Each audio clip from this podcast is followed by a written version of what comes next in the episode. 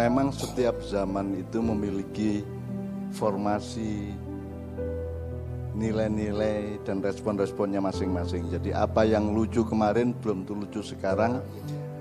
Jadi itu dialami tidak hanya oleh anak muda sekarang, dialami orang tua juga. Jadi wong tua saiki ya gumun ngono kok guyu to kowe iki le. Ya, ya, Kan ya, ya. ada dia itu itu itu bolak-balik. Kita tidak paham kok itu ketawa. Dan itu tidak hanya soal tidak hanya soal Lelucon. lucu, Iya, itu juga soal kreativitas. Jadi misalnya Anda tahu dulu itu kan kita punya organisme pelawak namanya Sri Mulat atau klub- klub-klub itu kemudian kan karena kapitalisme kemudian mereka kemudian direbut satu persatu akhirnya Basuki keluar dari Sri Mulat kan. Terus diambil sebagai Basuki Dok terus terus begitu juga yang lainnya. Sampai Tesi kan dulu kan Sri Mulat kemudian dia dimandirikan oleh televisi akhirnya apa ya proses olah organisme di dalam masyarakat dalam budaya masyarakat untuk menciptakan satu apa lingkaran-lingkaran kelucuan itu menjadi menjadi amjar Iya, iya, iya. sampai akhirnya pasca tesi kemudian kan bisa orang mas. Tidak ada karakter pelawak lagi. Tidak ada. Tidak ada. Saya kira gue pelawak iki sopo ning Indonesia wis ora ono dulu kita punya sejak Bing Slamet sampai Subagio sampai iya. Blontang sampai Gepeng Iya. ya kita dulu punya jadi setiap bidang kehidupan itu melahirkan karakter-karakter manusia yang berkepribadian. Ini iki nek misalnya Basio itu kan ndak lahir lagi sekarang. Saiki iki sing dibutuhke saiki wis wis beda. Iya. Sudah tidak lagi juga di politik, juga di agama, juga di apa pun ndak ada tokoh-tokoh lagi Mas sekarang. Nggak ada tokoh lagi karena wis ambiar kabeh. Iya, iya, Jadi secara menyeluruh kita itu sudah kehilangan organisme kemanusiaan sehingga juga tidak ada organisme budaya, tidak ada apa namanya nuansa para pelawak. Nek biyen ki Sri Mulat itu wis wis ngono kuwi ya. Ora iso dipedil-pedil. Paul kaya ngono kae gitu ya. Siapa? Asmuni kaya ngono. Sekarang ndak lahir Asmuni lagi, ndak ada lagi sudah. Jadi jadi ki- itu juga lagu lagu biyen cetha oh, nek Beatle ngono kae, nek Guns N' Roses ngono kae. Nek saiki ki lagu wis duwe karakter kabeh. Lagu saiki ming kaya cah cilik dolanan ember kae to. Ceng ceng ceng ceng ceng ceng ceng ceng ngono kuwi tok. Jadi jadi abad 21 ini abad hilangnya karakter manusia. Hilangnya kepribadian manusia tidak hanya di dunia lawakan atau kesenian tapi juga di dunia politik agama maka tidak ada negarawan. Wong ya mudeng negarawan iki apa kok? Ora wong bedanya pemerintah sama negara aja kita sudah tidak paham kok. Jadi kita itu mengalami degradasi peradaban yang luar biasa. Nah apa kita terima lakon Cuminten Edan dari lima gunung ini supaya kita itu mengerti apa yang kita sudah tidak tahu. Jadi kita jangan jangan hanya tahu yang kita tahu, kita juga harus tahu yang kita tidak tahu, ngerti tidak mas? Ilmu itu gitu, kan lebih banyak yang kamu tidak tahu. Nah, kamu harus tahu apa yang kamu tidak tahu. Itu namanya goib. Karena syarat jadi manusia nomor satu, apalagi pemimpin dari Allah itu adalah yuk minuna bil goib. Baru kemudian warrohmanur rahim, baru jadi malik, jadi diri sendiri yang memimpin dirinya kan gitu. Nah kita itu kan di maknya kan sering saya katakan, kamu jangan hanya pintar menjawab, tapi juga kamu harus tahu apa yang harus kamu tanyakan. Kan gitu kan. Tahu yang harus ditanyakan itu adalah kamu mengerti yang kamu tidak tahu itu apa saja. Lah saiki saiki doh sok tahu kabeh. Mulani sisi medsos ngono kuwi kabeh sok tahu kabeh. Mereka tidak pernah tahu apa yang mereka tidak tahu. Makanya bulan lalu kan kita bikin terminologi. Orang yang tidak tahu apa yang dia tidak tahu. Maka dia juga dia tidak tahu apa yang dia tahu. Kan dia tidak punya pemetaan. Jadi itu ada pengembangan yang lebih lanjut dari Imam Ghazali yang empat, empat kategori itu. Nah sekarang ini saya ingin memancing teman-teman makiyah ini untuk menunjukkan bahwa Anda itu yang ngerti apa yang kamu tidak tahu. Dan kamu bisa menanyakan sesuatu tidak hanya yang Anda tahu, yang Anda tidak tahu itu Anda harus tahu. Misalnya kue ngerti ini loro, sing orang ngerti wolu. Nah, kue kudu ngerti, kue ngerti nek sing wolu ki kue orang ngerti. Itu namanya yuk minuna bil ghaib. Karena yang kamu tidak tahu itu bukan untuk kamu ketahui, tetapi untuk un, jadi gini. Kan al, bukan alladzina ya'lamunal ghaib, tapi alladzina yu'minuna bil ghaib. Itu ayatnya begitu. Jadi ada sesuatu yang kamu percaya aja. Kan kau kudu ngerti nek sing kok percaya iki apa, gitu ya. Aku percaya nek aku iki janjane ruang alam semesta iki ana watese. Ning aku ra iso ngukur, dadi kan tidak bisa kegaiban ruang yang maha luas ini kan Anda tidak bisa mencapainya dengan ilmu, maka Anda mencapainya dengan iman. Makanya Allah tidak nyuruh ya alamunal ghaib, tapi yu'minuna bil ghaib. Iki Quran kabeh iki sing tak omongke ora bab suminten dan iki serius. Untuk informasi aja Mas Helmi bahwa kita segera akan menerbitkan mushaf Quran plus Tadabur Tadabbur Ma'iyah. oleh Cak Fuad sama saya. Mudah-mudahan bulan Juli nanti sudah Anda bisa Amin, jadi amin. Wah. jadi yuk minuna bil ghaib itu tidak pernah ditafsirkan loh. Kui treatmentnya keghaiban itu yukmin bukan ya alam. Kan gitu Pak Muzamil. Bukan kalau ya alam tidak gaib lagi. Makanya Anda harus percaya. Ya yukminuna bil ghaib itu kan kau gitu ngerti sing itu apa wae. Contoh yang gaib apa Mas? Eh Mas, spontan. Organik. Contoh barang gaib itu apa? Eh? Contoh. Contoh barang ga- barang gaib yang itu apa? Gaib. Ya.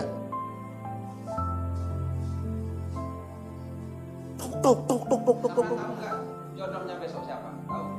Enggak usah jodoh. Gue kan selama ini gaib iki Gusti Allah, malaikat, jin gitu, hantu ora. Gue sesuk-esuk sarapan apa? Lah, gaib. Ibumu saiki lagi batin apa? Gaib. Betul enggak? Jodohmu besok-besok siapa? Gaib. Kue dodolan kok payu piro? Gaib. Kita dikepung oleh sesuatu yang gaib dikepung habis habis-habisan terus menerus maka Allah kamu harus percaya bahwa kamu itu dikepung kegaiban dan kamu harus punya kecerdasan untuk mengerti sing itu apa wae apakah satu jam lagi hujan apa tidak gaib apalagi Pak Musamil isi yang punya istri. Istrimu itu hatinya gimana isinya hari ini malam ini? Nggak tahu kan? Gaib semua itu gaib jadi kita itu habis di, di, diaduk oleh kegaiban-kegaiban setiap hari. Jadi makanya Allah mengatakan kamu percaya aja makanya supaya kamu itu tidak celaka dan tidak hancur atau frustrasi oleh kegaiban di sekitarmu dan di dalam dirimu sendiri, maka percayalah dan caranya menangani semua problem kegaiban itu adalah bertakwa kepada Allah dan bertawakal kepada Allah kan gitu. Ya takwa dan kau. Jadi ini iki, iki pengajian nih. Gitu tuh bab ketoprak tok. Jadi kalau Anda orang maknya, Anda harus bisa menemukan apa saja dengan apa saja. Tadi kan saya sudah bilang. Apa saja dengan apa saja, siapa saja dengan siapa saja, siapa saja dengan apa saja, apa saja dengan siapa saja. Empat hal itu. Anda harus bisa menemukan. Piye jenenge mulane ketoprak ikan dengan mudah kita bilang ini cara untuk memahami detail-detail kehidupan yang tidak bisa ditemukan kalau Anda pakai kelas diskusi, pengajian, kampus dan seterusnya. Hanya bisa lewat ketoprak. Misterinya manusia, anehnya manusia. Kue rumah samu kayak mau suminten moro-moro lungguh burine sapa? Adipati ya. Itu semua semua tadi organik, seni itu semua spontan. Tadi kan spontanitasnya bagus banget. Le nyel, nyeletuk nyeletuk le nyelok apa jenenge? Le nyelokop nyelokop kan banget dan itu tidak mungkin terjadi di teater. Itu hanya terjadi kepada manusia yang hidup dan di di Jawa itu di dalam alam tradisional timur itu semua itu lelaku. Jadi ketoprak itu ya lelaku, bukan pelajaran. Kalau pelajaran kan kognitif. Ya toh moco, dipahami, lagi dilakoni kan gitu. Kadoan wong Jawa dilakoni. Lelaku. Jadi ketoprak itu lelaku, semua lelaku. Jadi teman-teman yang main ketoprak itu jauh lebih siap daripada para pemain teater. Karena mereka memahami apa me- bers- mengalami ketoprak atau drama itu sebagai lelaku tidak sebagai pelajaran. Kan gitu. Itu lelaku gitu. Ini ini teman-teman sekalian ini serius. Dan ini urusannya juga dengan tafsir Quran tadabbur Quran. Jangan lupa. Jangan dipikir ketoprak rano hubungannya karo Quran. Kini tak dolek ke hubungannya arep piro kowe? arep pirang pirang tali. Tak cariin mau berapa seribu ayat tak cariin seribu ayat yang terkait dengan ketoprak ketoprak Karena orang Islam itu dididik oleh orang Barat dan nyembah wong Barat, akhirnya kangelan nemok-nemok kayak gitu mas. Kangelan gaduk ki kangelan. Padahal semua gaduk, namanya juga tauhid. Kalau tauhid itu berarti anything and everything are connected to everything and anything kan gitu kan. Jenenge tauhid. Kalau enggak enggak tauhid namanya. Nah, kalau ilmu itu berpedoman pada tauhid, maka Anda harus punya kecerdasan untuk menemukan koneksi antara apa ada apa saja dengan apa saja. Itu loh, Jid ya. Oke, jadi saya saya selani supaya nanti kita kita tanya sama Muzamil satu hal. Kalau sudah saatnya selesai. Ini bandingannya dengan Laila Majnun apa? Gitu ya. Ini nek Jawa kan Suminten Edan, nek Arab Laila Majnun. Nah, nah saya tidak tidak tahu persis Pak Muzamil kan karena dia juga ter, tergolong di dalam dunia Majnun maka dia mesti mengerti Laila kan gitu. Gini mas, kalau ngomong netral ya, ada yang namanya candlelight phenomenon. Candle itu lilin, light itu nyala, phenomenon itu fenomena. Jadi orang itu biasanya sakit, terus ketok seger, jur mati. Itu seperti lilin, kalau mau mati itu menyala terang dulu terus pet mati. Jadi kalau khusnudon itu candlelight phenomenon gitu ya, Mas. Kedua, saya juga mengerti apa yang Anda gelisahkan. Jadi menungso iki nganggu ilmu objektif saja orang iso nangani Covid. Belum lagi ilmu kemudian dimanage dimanajemenkan oleh suatu pemerintahan atau sistem otoritas itu juga tidak mampu apalagi sistem otoritas ini kambon atau terkontaminasi jadi kedokteran bisa dikontaminasi oleh kepentingan ekonomi, bisa bisa oleh kepentingan kekuasaan dan politik dan seterusnya. Jadi jadi penanganan terhadap ujian Allah ini murni saja kita nggak bisa menangani, apalagi di apa di latar belakangi oleh kontaminasi yang non medis itu. Jadi misalnya kan sekarang semua orang kan hampir semua orang kan wedi nang rumah sakit di loro di ndak di covid ke gitu kan. Takut di covid kan itu artinya ada fakta bahwa belum tentu covid tapi di diklaim sebagai positif covid. Jadi ada fenomena seperti itu. Saya tidak tidak menyalahkan siapa-siapa tapi saya hanya membahasakan bahwa wong menangani secara ilmu opo anane iso dan tidak bisa memanage secara secara apa adanya dan itu kita punya ajuan Pak Dr. Prianto dari Tulungagung itu. Apalagi penanganan medis dan pengelolaan Satgas Covid itu juga bisa terkontaminasi oleh kepentingan-kepentingan lain. Kepentingan ekonomi, kepentingan dana, kepentingan politik, kekuasaan dan seterusnya. Jadi kita memang kita memang tidak bisa apa-apa gitu mas. Jadi jadi mulane gue jawabannya yang takwa kalau tawakal nih aku. Karena dalam urusan COVID ini kan tidak ada Tuhan Thomas. Apa tahu WHO ngomong Allah ya tahu toh. Apa tahu Jokowi apa pemerintah apa Menkes ngomong Tuhan kan tidak pernah toh. Jadi Tuhan tuh nggak ada. Yang ada itu manusia yang lemah dan COVID yang bertebaran gitu nggak? Ya nggak? Tuhan tidak ada, takwa tidak ada, tawakal nggak ada, istiqomah tidak ada, wirid tidak ada, hifdullah tidak ada, ya toh, jin tidak ada, semua tidak ada. Yang ada itu manusia yang lemah dan lalu lalangnya virus kan gitu dok. Dan manusia tidak punya pertahanan apa-apa kecuali kecuali ikut pemerintah. Dan pemerintah itu juga tidak bisa dijamin bahwa dia betul-betul menangani itu secara medis objektif karena misalnya gue saiki vaksin ini vaksin untuk COVID yang mana? COVID yang asli Wuhan apa yang yang sudah mutasi misalnya gitu. Kan itu juga tidak pernah transparan teman-teman sekalian. Jadi nek prasaku dunyoe kaya ngono kuwi pancen menungso iki mulane dinyang karo iblis mbiyen iki jan sangat besar potensialitasnya untuk menciptakan mafsadah dan sayiat. Sayiat itu keburukan-keburukan, kejahatan-kejahatan, mafsadah itu kerusakan-kerusakan dan perusakan-perusakan. Nah, nah tetapi sekarang faktanya dek, bapakmu meninggal toh, gitu. Artinya onora kemungkinan ngurip meneh onora pada saat yang sama kan saya juga mbak bapaknya istri saya Mbak Novia Kolopaking kan bapaknya meninggal juga baru sekitar 10 hari yang lalu. Terus guru saya Umbulan Duparanggi meninggal juga kan sekarang juga masih di masih disemayamkan di pemakaman Mumbul Denpasar. Jadi itu kan tidak bisa kita apa-apakan. Nah kelemahan kita dua deh. Kita kan tidak pernah diajari bahwa mati itu tidak buruk. Jadi semua orang merasa terancam karena menganggap bahwa kematian adalah sesuatu yang negatif, menurut toh? Ya toh?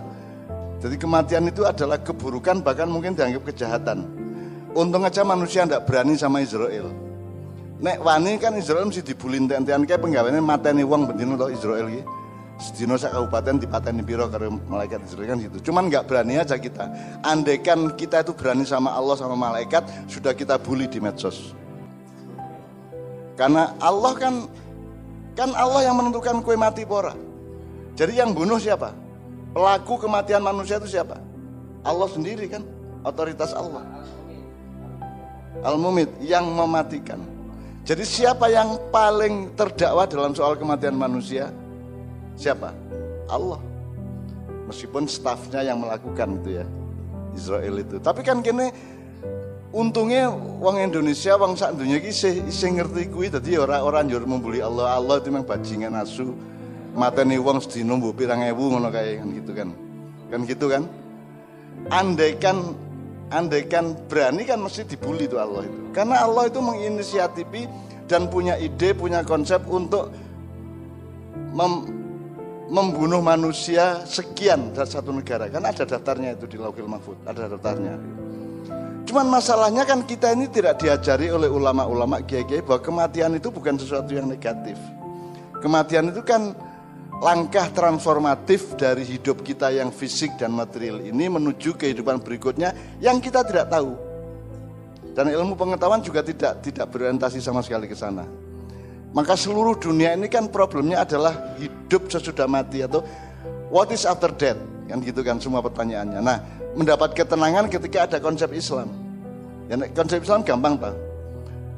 Iki dudu mati le kue kalau saya malah itu deformasi. Jadi dulu kan aslinya kita juga hanya rohnya. Kita tuh cipratan dari roh Allah, kemudian dipadatkan, ditransformasi menjadi padatan fisik jasad ini, kemudian kita dikembalikan lagi, dideformasi menjadi roh lagi kan begitu. Jadi nek nek coro nek coro sing luwih gampang ini lah. Jadi mati itu kan mengkowe dadi uler, njur dadi entung.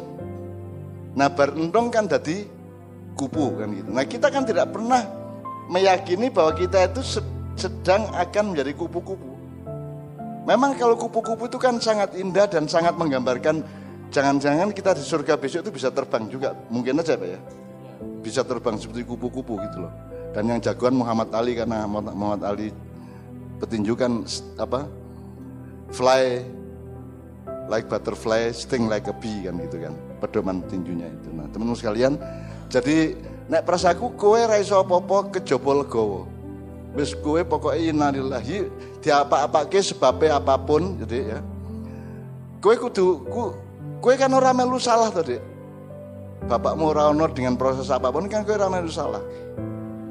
Sing salah kan sing bersalah duduk kowe kan gitu. Misalnya dek ditutuk misalnya ya, kok ada lukanya. Kan kowe ora melu tanggung jawab kuwi. Kan gitu. Meskipun kita mungkin sebagai anak, sebagai manusia biasa kita punya rasa gelo, punya rasa penyesalan dan sebagainya. Neng, neng nek wes nek wes kedaden arep piye kowe?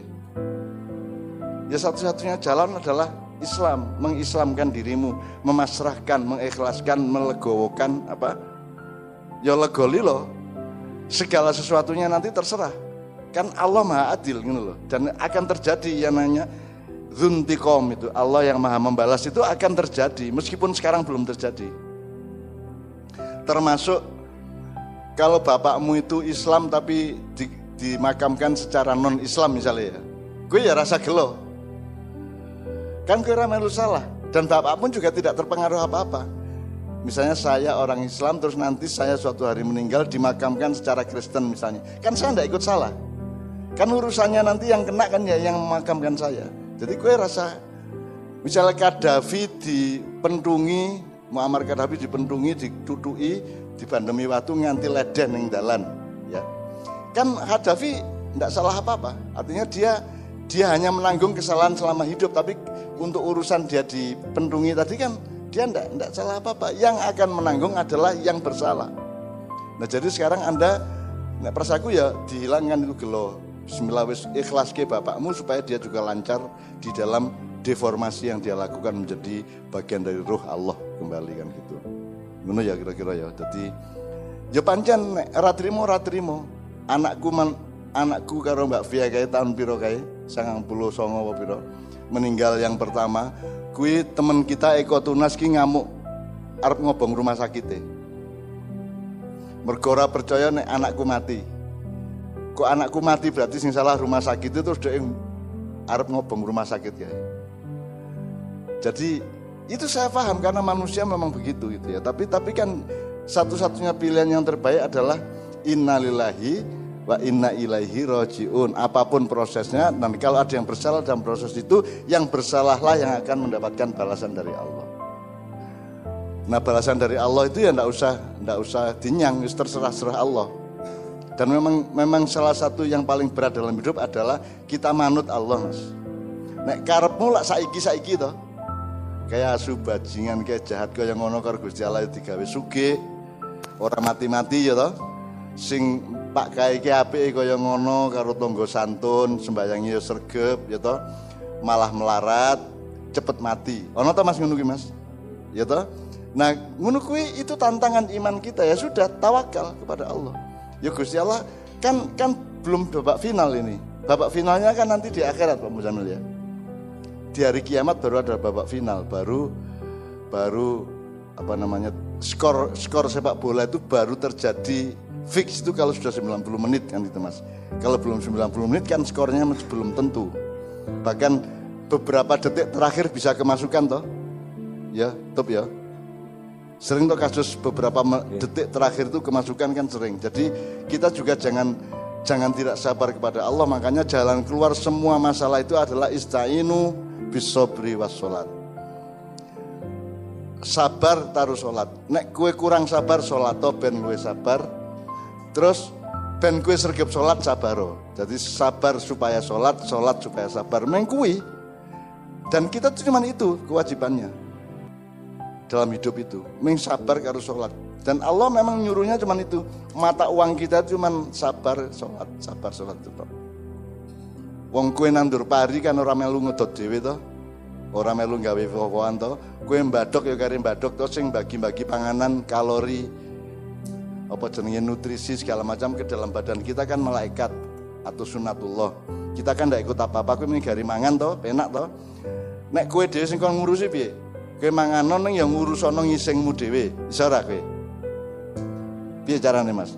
Engko malah malah engko taine kok kok kamu biarkan di bawah tenggorokan sementara sing kok buang malah sing gizi-gizi ini kan. Jadi kita ndak mampu kok, Mas. Kita tuh sama sangat enak kok sama Allah itu. Pokoknya main dikongkon takwa karo tawakal minggu itu, sabar karo sholat minggu itu, wis. Selebihnya wis toh percaya gue khusnudzon kepada Allah. Udah. Tidak apa-apa, lilo legowo bismillah. Wes kue untuk supaya untuk supaya kamu bisa apa menarik logon sampai ke kedalaman jiwamu ya kue sholat malam, kue sering-sering meneng ambekan dowo sambil kalimat thayyibah atau tahlil la ilaha illallah la ilallah terus itu jadi pokoknya mumpung covid ini kan oke waktu kue di rumah nek isih jam telu berarti isih sholat sholat toh. Sholatnya ya rasa neko-neko, pokoknya sholat terus baru silo terus ambekan terus batin ngono Supaya jiwamu itu apa? Meluas seperti alam semesta dan memang lebih luas dari dari alam semesta kira-kira ngono ya Le ya. Jadi tak jaluk sing lilo legowo ya Le ya. Aku ya kehilangan kok. Kita semua juga kehilangan. Nah, sebabnya apa nanti Allah yang akan Pak Muzamil akan menjelaskan mengenai Zuntikom itu. Ya. Monggo, monggo.